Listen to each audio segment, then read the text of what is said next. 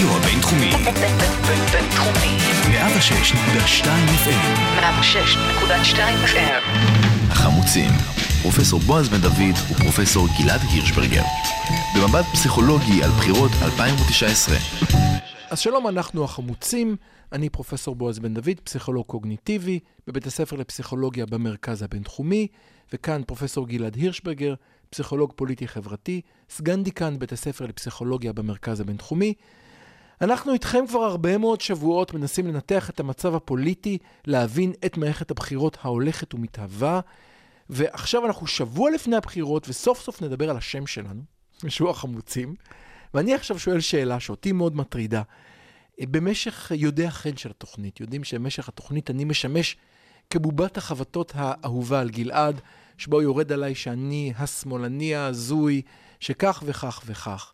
עכשיו סוף סוף יש הזדמנות להחזיר לגלעד, ולו לדקה אחת, אז תן לי אותה. נכון, אני השמאלני ההזוי והכול, לפחות אני ליכודניק. לפחות אני אוהד הפועל. אני אוהד את הקבוצה. אני התפקדתי למפלגה. הצבעתי בפריימריז שלה, השפעתי על איך היא תיראה. בעקבות איך שנראית, אני ממשיך לתמוך בה. היא לא מושלמת, היא לא הכי טובה, יש הרבה טובות ממנה ויכולו להיות טובות ממנה, אבל ביחסית למה שיש, היא טובה מספיק ואני תומך בה כי אני רוצה שהקול הזה ייאמר בצורה ברורה בכנסת הבאה. ולא רק שאני תומך בה, אני ביום הבחירות מתנדב, כמו שהתנדבתי בערך בגיל 18 בימי בחירות בקלפי. אני ליכודניק מהבחינה הזאת.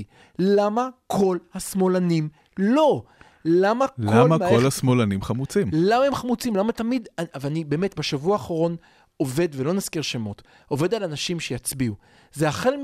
אנחנו לא נצביע כי אין אף אחד שהוא מספיק טוב, ואני מנסה להסביר לאט לאט, זה נכון, אבל יש הרבה יותר גרועים. אם אתה לא מצביע, אתה מחזק את הגרועים, תצביע לטוב במיעוטו, לזה שיש בו שביב של טוב קטן. לרע במיעוטו, כן. אפילו טוב במיעוטו, משהו, כי כולם כאלה גרועים. ויש כאלה שאומרים, לא, לא, לא, אבל, אבל נורא התאכזבתי מהעבודה סלש מרץ, כי לא בחרו במזרחי במרץ, אבל הנה, בחרו במזרחי בעבודה. כן, אבל הוא לא באמת מזרחי, אבי גבאי, כי הוא לא מביא מזרחים. אז מה אתה רוצה ממני? התפקדת? לא, אני לא מתפקד. אז איך אתה יכול להתלונן על, על הרשימה? תתפקד, תשפיע. טוב, אני לא רואה שאתה. אתה מלא בכעסים ותסכולים. אני אמשיך, לא, אני אמשיך, תן לי עוד קצת, אני אמשיך עוד קצת. זה כל הזמן שום דבר לא טוב. נכון, אף מפלגה לא מושלמת, אבל תסתכלו רגע על הליכודניקים. הליכוד לא שיפר את מצבם הכלכלי שמצביעי הליכוד, לפחות לפי כל הסקרים שאני מכיר. המדינה לא נמצאת בביטחון, ממשיכים לירות עלינו טילים מבוקר עד ערב. על מרכז תל אביב אומרים לנו שזה טעות כי מישהו ניקה בטעות עם הספונג'ה ונורו טילים על תל אביב ועל השרון.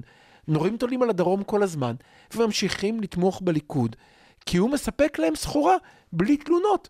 אם השמאל היה שמאל כמו שצריך, או מרכז, לא אכפת לי איך תקרא לו, וקצת מתנהג כמו אוהד כדורגל שאוהד את הקבוצה בכל מצב, אפשר לקבל ניצחון. כמה תסכול, כמה תסכול. לגמרי, אבל כאן, לגמרי. כאן אני, אני רוצה להגיד שני דברים. יש לי, יש לי. משהו... זה אתה אשם. אני לוקח קרדיט דווקא על זה. אתה כאן החמוץ. אני, כאן אני אה, רוצה להגיד משהו אופטימי ומשהו פסימי. הצד האופטימי זה שעצם זה שהפכתי אותך, אני, אני לוקח קצת קרדיט לזה שלא נולדת ככה ואני קצת עוזר להפוך אותך לכזה. עצם זה שהפכתי אותך לכל כך אה, מתוסכל ופעיל בעקבות זאת, כן? זה שאתה הולך ומנסה לשכנע אנשים ונלחם בתחנות רוח ולא מבין אה, למה כל העולם לא משתכנע שאתה צודק, זה כבר דבר טוב, הלוואי וכולם היו כמוך. להילחם בתחנות רוח אבל- זה לא רע, אם מספיק לא, לא, אנשים לא, לא. נלחמים הם נופלות. אני, אני מסכים לגמרי, אני מסכים לגמרי. אני מאוד uh, מעודד דווקא לשמוע שזה מה שאתה עושה. Uh, התסכול שלך מאיך זה שהעם לא רואה לא העם. שהכלכלה והביטחון לא, סליחה, וכולי לא, לא, לא, וכולי. לא הסברתי את עצמי. לא העם, לא מעניין אותי העם. אני רק שואל שאלה אחת. תומכי הימין אף פעם לא נופלים בפח שאיזה מפלגת אווירה. הם ימין. גם כשקמה מפלגת אווירה שתומכים בה היא מפלגת ימין, כמו זהות. נכון. מצביעי השמאל כל פעם מחדש, או לא מצביעים, או מצביעים למפלגות אווירה, ותמיד מתוסכלים, תמיד לא מרוצים ממה שיש. כן. למה?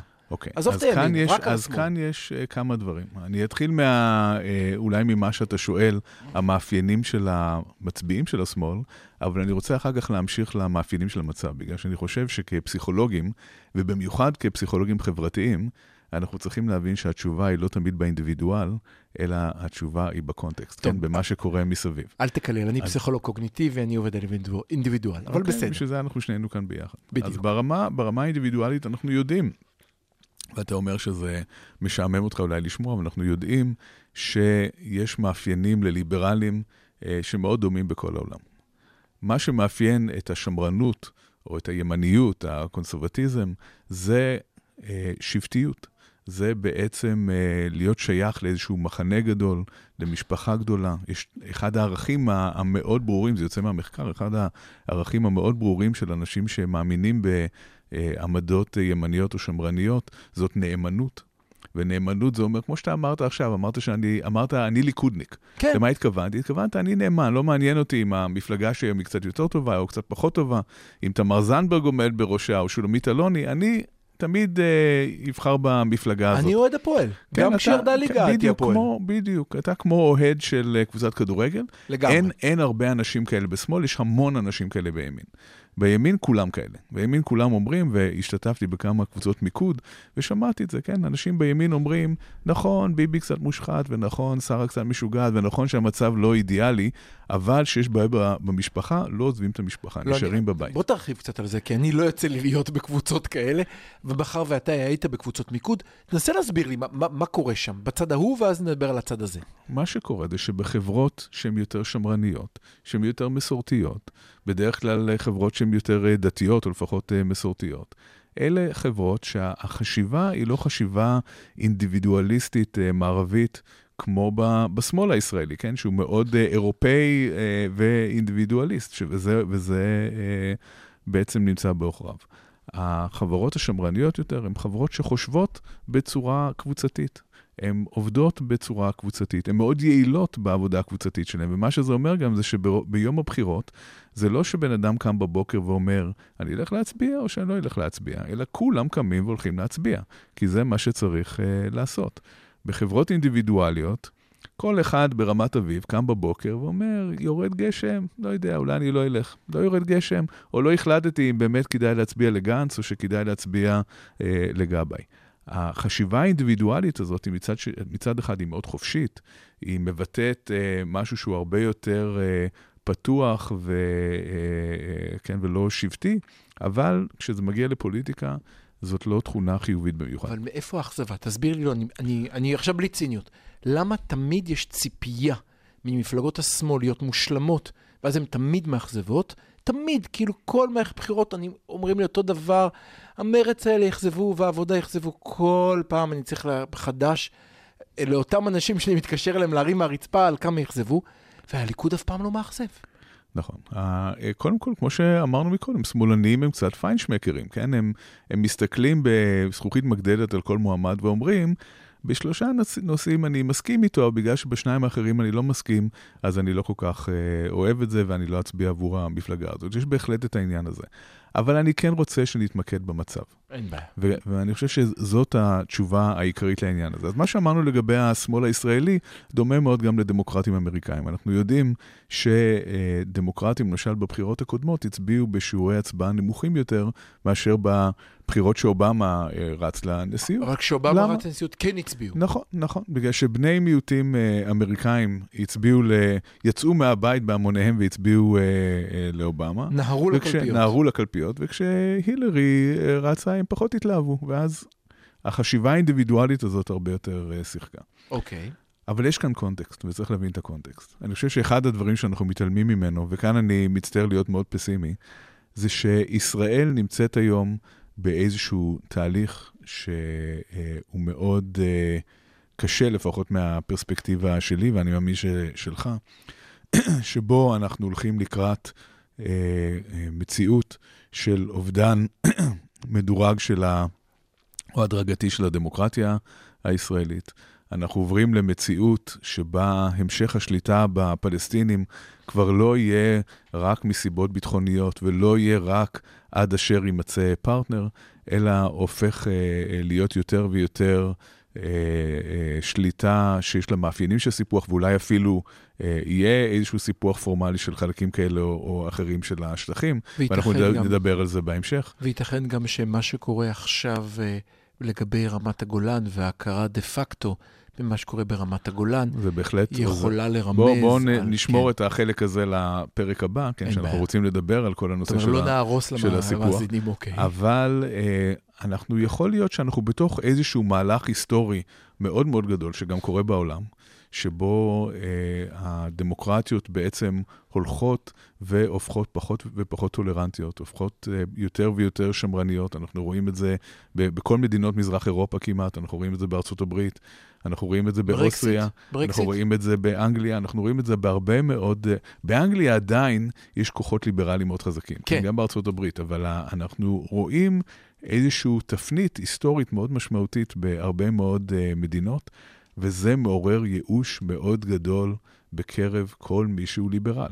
כל מי שמאמין בזכויות אדם, כל מי שמאמין בזכויות אזרח, כל מי שמאמין בפשרות, בסכסוכים בין קבוצות, כל מי שמאמין אמונות נאיביות שאפשר להשיג אה, שלום, או לפחות להגיע לאיזה שהן אה, הסכמות סבירות אני בין מוחה קבוצות. על המילה נאיבית. בוא, אני אומר את זה בציניות. אוקיי. כל מי שמאמין באמונות הליברליות האלה מוצא את עצמו מתמודד עם מציאות שהולכת בצורה מאוד מאוד חזקה לכיוון השני. זה לא אומר שהליברליזם מת, וזה לא אומר שלא תהיה לו תקומה, אבל יכול להיות שאנחנו נכנסים לאיזה שהם אה, ימי ביניים כרגע. וכאן, אה, אה, בלי להרחיב אפילו יותר מדי על כל התהליכים שמסביב, אבל הנושא של הגירה והנושא של איכות הסביבה, וכל, והנושא של ילודה באירופה, אה, וה- והנושא הדמוגרפי פה בישראל, כל הנושאים האלה הם נושאים שמובילים לתהליכים, אה, כן, אנחנו אה, לא אוהבים את המושג הזה במיוחד, אבל מובילים לתהליכים שהם לא דמוקרטיים. כן, אנחנו, אנחנו רואים את זה מאוד בישראל. אתם לא יודעים, אתם, הוא היה אופטימי כשהתחלנו את הפודקאסט, אתם צריכים להבין, לפני חודשיים התחלנו את בגלל זה הפודקאסט, קוראים לנו החמוצים. הוא היה אופטימי. ותראו מה קרה לו. אז אני, אני ברשותך רוצה להכניס את מה שאמרת לקונטקסט קצת יותר רחב. אה, יצאו לפני, אני חושב, 20-30 שנה, תכף אני אבדוק בוויקיפדיה, הספר קץ ההיסטוריה של פרנסיס פוקיאמה, כן. שבו הוא דיבר על כך שבעצם מרגע שהדמוקרטיה ניצחה את הקומוניזם, אין יותר סיבה שתהיה היסטוריה, כי יש שיטה אחת שהיא שיטה הוא חזקה. אמר יותר מזה, הוא אמר, זה בעצם הניצחון המוחלט של השיטה הליברלית, הדמוקרטית, המערבית, על פני כל שיטות הממשל האחרות. כן, זו הייתה האמירה המאוד נחרצת שלו. אגב, כאן צריך לומר שעד לאחרונה הוא צדק. זאת אומרת שאם אנחנו סופרים את יכול מספר להיות שהוא עדיין המדינות... צדק, רגע, הוא חכה. כתב, הוא, כתב את, הוא כתב את זה בתחילת שנות ה-90, אולי ב-1990, ו... 89. 89, אוקיי. ומאז ועד ממש לאחרונה, אם ספרת את מספר הדמוקרטיות בעולם אז והיום, יש עלייה ברורה. לא, זאת, אומרת, זאת אומרת שבהחלט יש היום יותר מדינות דמוקרטיות מאשר אז, אני גם לא בטוח שמה אבל, שקורה היום... אבל פוקויאמה לא התראיין לאחרונה, אה, אוקיי. ודיבר על כך שיכול להיות שהוא קצת אה, התלהב יותר מדי. כן, שיכול להיות שקורים היום תהליכים שמשנים את התמונה ושלא הגענו לקץ ההיסטוריה כפי שהוא טען. גם יכול להיות שמה שאנחנו רואים עכשיו איזה בלימפ, זאת אומרת שיש כאן משהו שהוא בתוך, וניתן דוגמה, אפילו אצל ארדואן יש בחירות, והוא אפילו מפסיד. זאת אומרת, הוא אפילו מפסיד באחת מהעיריות, אה, כנראה באנקרה, הוא הפסיד את הבחירות, ואולי גם באיסטנבול. זאת אומרת, אם אפילו אצל ארדואן עדיין צריך לעשות בחירות שבהן יש סיכוי שהוא מסוגל להפסיד ולו בבחירות לוועד הבית, זאת אומרת שיכול להיות שפוקויאמה לא טעה. אני מצטער, אבל קשה לי מאוד uh, להידבק באופטימיות שלך. זה אפילו קצת מזכיר לי שב-39 שקלו לתת להיטלר uh, פרס נובל לשלום, כן? כי חשבו לא, שאולי... אל תלכלך עליי, יש גבול לכל תעלול. אני לא אמרתי שאני מחבב את ארדואן, כן, בכל כן, זאת, מאחר אני- ואתה הימני בשולחן, אז הוא שלך ולא שלי. הכל- הימני הכל השמאלני, אז. אתה ימני. הכל אבל, יחסי. אבל אני רוצה לומר, לא... לכלכת, בקיצור.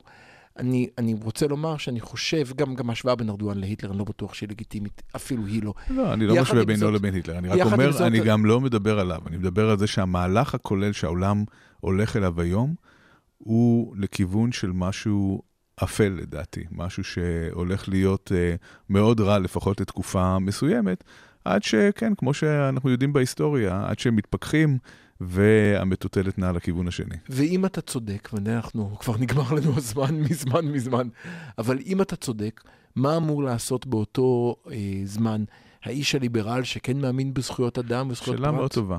יש כאן אפשר... כן, כן, יש כאן שתי אפשרויות. או. לסחוט, או לסחוט במהירות אה, האפשרית נגד הנחשול העצום הזה, שאין שום סיכוי שהוא יצליח אה, להתגבר עליו, או פשוט אה, to enjoy the ride, אתה יודע, לעזוב, אה, לשחרר, להבין שהיום זה לא היום שלנו, ושבעתיד יצטרכו אותנו כשידרשו אנשים אה, לשקם את ההריסות ממה שקורה כרגע. אז אני חושב שבחזון האפוקליפטי שתיארת עכשיו, יאללה, לאן הגענו? והוא בן אדם אופטימי בדרך כלל, באמת, זה רק המערכת בחירות הזאת שהורגת אותו. אני חושב שאולי במצב הזה, אה, אני אהיה ההתקשרות הבטוחה, אם נהיה רגע פסיכולוגים, ואגיד שבזמן הזה... אם אתה ההתקשרות הבטוחה, באמת? עבדנו. לאן הגענו? אז אני, אני בזמן הזה אה, חושב שמקומו של הליברל הוא לא להעז לשתוק. לא להעז לשתוק. אולי לא להעמיד את עצמו בחזה חשוף מול כיתת, כיתת היורים ולתת לירות בו, כי אם הוא ימות בכך לא נשאר לנו מי שיצעק, אבל כן אה, אה, עם מי שמאזין עכשיו. וזה מה שאני אוהב בך, בועז, בדיוק הגישה הזאת, ואני חושב שאם יש משהו שאנחנו צריכים להעביר הלאה לשאר הליברלים שאולי שומעים את הדברים שלנו, זה שלמרות שהמצב נראה קשה, צריך כל הזמן להילחם. צריך כל הזמן להילחם נגד אה, כוחות השחור שעולים ועולים. ומאחר ואתה גררת אותנו לדוגמאות אפלות מהעפר, מהעבר, שימו לב, מהעפר, איזה פליטת פה פרוידיאנית, מהעבר, אז, אז בוודאי שכולנו היום זוכרים את אותם אלה שבכל מקום היו אלה שהעזו להגיד עד כאן, נכון. והעזו, גם אם זה בדבר קטן, גם אם זה במאמר בעיתון. לפעמים מיעוט קטן. אני ממש מצטער בפני המאזינים על מה שקרה כאן. אה, נראה לי שצריך לא, ציפרלקס לא נשארו לחלק. כבר מאזינים, זה בסדר. צריך לחלק ציפרלקס לכל המאזינים, ולנו, אנחנו היינו החמוצים. תודה רבה לכם שהייתם איתנו. החמוצים, פרופסור בועז בן דוד ופרופסור גלעד הירשברגר.